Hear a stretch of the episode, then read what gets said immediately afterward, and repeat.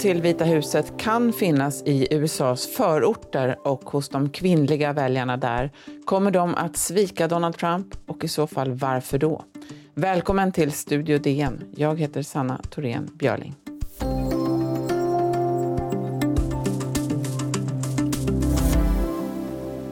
I ask you to do me a favor. Suburban women, will you please like me? Remember? Please. Please. I saved your damn neighborhood, okay? Ja, anar man inte ett litet mått av desperation där när Donald Trump vid ett kampanjmöte i Pennsylvania uppmanar de kvinnliga väljarna i förorten att rösta på honom. Presidentvalet i USA handlar ju i hög grad om en person. Vill väljarna behålla Trump eller inte? För kandidaternas kampanjer handlar det nu under de sista veckorna om att fånga in och mobilisera olika väljargrupper. Karin Eriksson, du är på plats i USA. Eh, du har ju också bevakat svensk politik i många år. Är det samma fokus på att identifiera olika väljargrupper här som det är i USA? Ja, ja och nej. Alltså, man känner igen lite av diskussionen i... Men det, och där skulle jag säga att det är snarast amerikansk politik som då har smittat svensk politik. Att vi talar så mycket om skillnaden mellan olika väljargrupper i svensk politik idag. Och inte minst då stad och land. Och att stad och land röstar väldigt olika. Och också faktiskt kvinnor och män. Precis allt som vi ska prata om här. Men egentligen är det nog USA som är trendsättare. Så allt vi får höra här idag, det kommer nog komma ännu mer till Sverige sedan. I valet 2016 då hade Donald Trump stöd av några grupper som tidigare hade varit osäkra eller kanske röstat på Demokraterna. Som den vita arbetarklassen är ju en, en sån eh, grupp. Eh, men ända sedan mellanårsvalet då, 2018, eh, när Demokraterna gjorde stora framgångar har ju eh, Demokraterna haft ögonen på en del grupper som verkade svika presidenten. Eh, till exempel då kvinnorna i förorten. Vad, vad är det som händer med dem och varför är de inte längre bakom honom? Det finns, det finns ju väldigt många skäl till det eh, som, som naturligtvis kan analyseras på alla olika sätt och som alla försöker förstå just nu. Vad är det som funkar och inte funkar? Eh, och i detta så är det väl så att när, när Trump nu försöker gå fram och, och, säga det vi hörde honom säga på mötet i Pennsylvania häromdagen och säga gilla mig i förorten, jag försvarar livet i förorten. Så verkar det som att han mest tilltalar männen som gill, uppskattar den ganska traditionella bild av livet i förorten han har. Med, nästan som 50-talet där det är kvinnor som är hemma och tar hand om men barnen och middagen medan männen åker till, till jobbet. Jag tar hand om männen lite också. Eh, och det, så ser det ju inte ut längre. Hemmafruarna eh, blir allt färre i USA. Allt fler arbetar. Och de här vita förorterna som, som Trump eh, liksom under ytan anspelar på de är mycket mer blandade idag. Så att den här idealbilden han, han målar upp den, den verkar inte riktigt nå ut till kvinnorna eh, faktiskt. Men de som du har pratat med då, vad var det de kanske fastnade för med Donald Trump förut? Alltså vad är det de har uppskattat hos honom? Det som jag tror att många har fastnat för med Donald Trump när han kom, det var ju att han han ändå inte var en vanlig politiker. Att han bröt av från det här som man uppfattade etablissemanget i Washington det, det var en väldigt viktig sak. Men nu tror jag, nu, nu blir bilden väldigt stark när man pratar med folk, att de tycker att han bryter av lite för mycket. Att hans språkbruk och tonläge är för vulgärt. Det är vanligt även bland de som säger att de, de ska rösta på Trump den här gången också, så märker man ju den här eh, aversionen mot hur, hur det låter på Twitter, att de inte alls känner sig bekväma med, med, med vem han är och vad han säger där. De verkar ju, du är ju i, ehm, i Minnesota utanför Minneapolis där och de som du har pratat med i eh, reportaget, de verkar ju inte överförtjusta i Demokraterna heller. Till exempel Heather som du har pratat med, hon säger så här. We're definitely, you know, blue collar working citizens. So that's important to us. You know, my husband's worked hard to climb the corporate food chain for a long time and I guess i think sometimes what I've heard is Democrats want to, you know, give more handouts, which handouts are okay.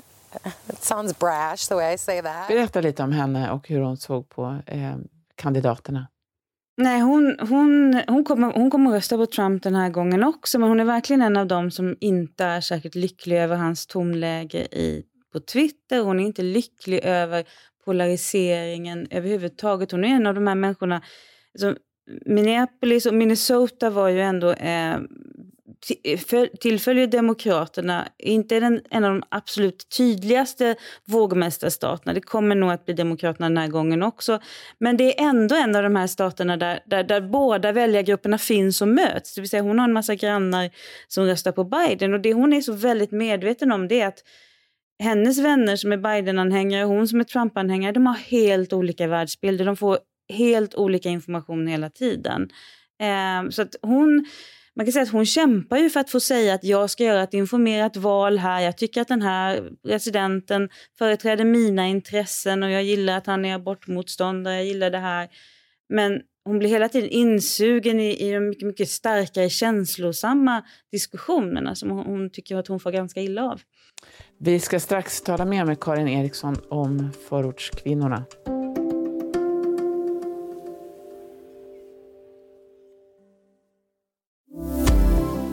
Ja, en forskare som du har pratat med, hon menar ju att det här är ett sätt för Donald Trump att tala till liksom, den vita väljargruppen. Hur mycket ligger det i det, tycker du?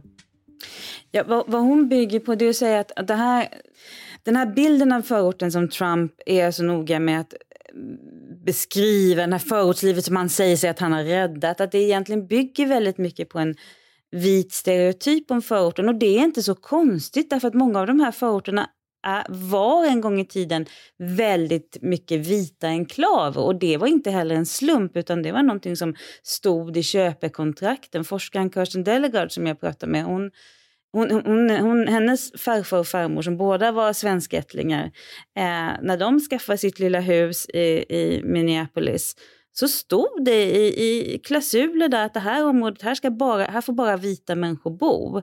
Så att man, segregationen byggdes in i, eh, i USA, i norra USA. Inte, det här, nu talar vi alltså inte om det här öppet rasistiska södern eller plantagerna eller liksom arvet av slaveriet. Vi talar om den norra industrialiserade, södern, eh, norra industrialiserade städerna där där man ändå byggde in en segregation, där vita bodde för sig, svarta bodde för sig och knappt, knappt möttes.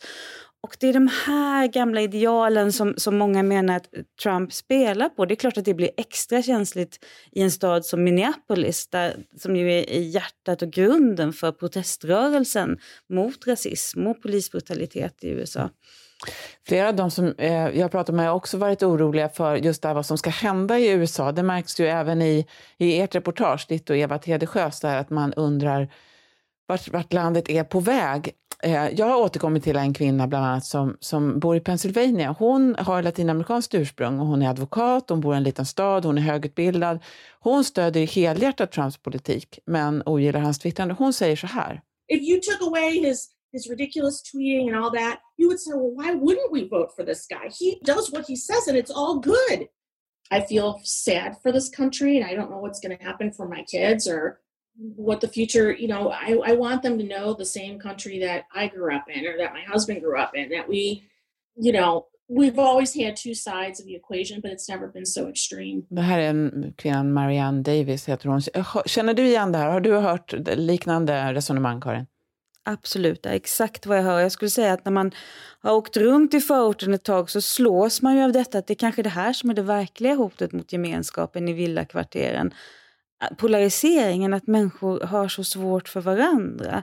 Och jag möter ju också precis den här bilden oron för vad som ska hända, hur man ska kunna gå vidare, den, den, den förenar, den är ju faktiskt förenar väldigt mycket över partigränserna upplever jag. Den hör man från både demokrater och och eh, republikaner. En stor oro. Sen är det ju då, sen, sen, sen är ju då vad de tvistar om är mer liksom, vem, vem är det som kommer att ställa till med bråk efter valet? Där säger, då pekar Demokraterna och säger att Trump har upp, han uppmuntrat miliser och så säger Republikaner som man pratar med, men titta på upploppen som vi har haft här i Minneapolis efter George Floyds död. Det ser ni väl vilka det är som kommer att börja bråka om, om det blir så att Trump vinner valet igen.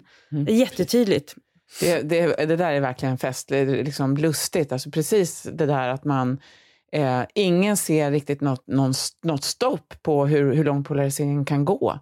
Och när jag pratade med den här kvinnan Marianne och även en annan eh, som jag pratade med häromdagen, hon var ju också, sa ju också det att nej, men det är Antifa, alltså vänsterextremisterna, som kommer att ställa till bråk, inte de konservativa.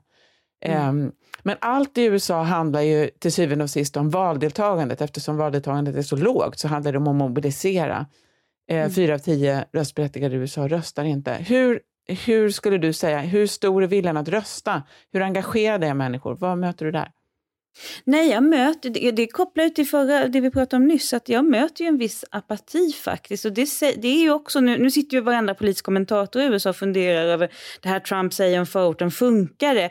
Det verkar inte funka så jättebra. Eh, stödet bland kvinnorna sviktar, könskapet växer. Men möjligen är det ju så att även om man inte lyckas dra till sig kvinnorna så lyckas han faktiskt genom eh, vad han säger om, om Demokraterna och Biden skrämma bort en del och få bort dem från att rösta, det vill säga sänka valdeltagandet. Så det ska bli oerhört spännande att se vad som händer med mobiliseringen i partierna. För Biden är inte heller någon, någon riktigt stark kandidat, det kan man ändå inte säga. Nej, det är han inte och det möter man ganska ofta. Vi har ju en, en kvinna i reportaget som är oerhört villrådig. Hon kommer från en familj där alla röstat på Republikanerna. Hon står bara inte ut med Trump och framförallt inte med vad, hur han beter sig mot kvinnor och att se honom som kvinnornas man tycker hon är absurt. Men hon, hon har jättesvårt för Joe Biden också av många olika skäl och tycker att han är en politiker som har varit med jättelänge utan att ha, har åstadkommit särskilt mycket. Han är också en del av systemet och hon vet inte vad hon ska göra överhuvudtaget. Sen är det ju det här liksom, eh, att den här kvinnan jag har pratat med, då, hon är ju då från Ecuador ursprungligen och inte alls någon och högutbildad. Liksom. Kan man verkligen, och du har pratat med en del då arbetarklasskvinnor som kanske har lägre utbildning och sådär. Är det rättvist att dra alla så kallade förortskvinnor över en kam? Vad, är det, kan man göra det? Blir det, blir det? Är det relevant? Tycker du det? Nej men det blir ju precis som, då, då kan, om vi är tillbaka till hur det är hemma i Sverige, att vi blir ju väldigt yxigt. Det blir yxigt när vi pratar om stad och land. Det blir yxigt när vi säger att män röstar så, kvinnor röstar så. När vi menar att en övervikt av dem röstar si och en övervikt av dem röstar så förorten är ju mycket mer blandad idag. Det är kanske därför det har varit är svårt för Trump att nå fram till, till de här kvinnorna i förorten, därför att de är helt enkelt är väldigt olika. Är det något som du tycker har överraskat dig när du har varit runt här och pratat med lite olika människor? Är det något som återkommer hela tiden, något som har slagit dig särskilt? Jag får nog säga att det är det som vi pratade om tidigare, hur, hur äh, människor ändå känner en olust inför det här valet. Det är kanske inte är en överraskning, men de är mer nyanserade i, i sin oro än vad, vad, man kanske, vad jag tycker framgår när man, när man läser reportage om till exempel Trump-supportrar många gånger. Att, att, väldigt många är väldigt oroliga för tonläget och för hur, hur människor förhåller sig till varandra. Det är mindre hårt än vad jag hade tänkt. Väldigt hårt. Jag kan bara hålla med dig om det, Karin. Det låter jättespännande. Eh, ja, det ska bli spännande att läsa fler reportage också framöver. Stort tack, Karin Eriksson, på plats i USA. Lyssna också i morgon bitti när vi pratar om presidentvalsdebatten mellan Joe Biden och Donald Trump. Studio DN görs för Podplay av producent Sabina Marmelakai, exekutiv producent Augustin Erba, ljudtekniker Patrik Miesenberger och teknik Jonas Lindskog, Bauer Media. Jag heter Sanna Thorén Björling.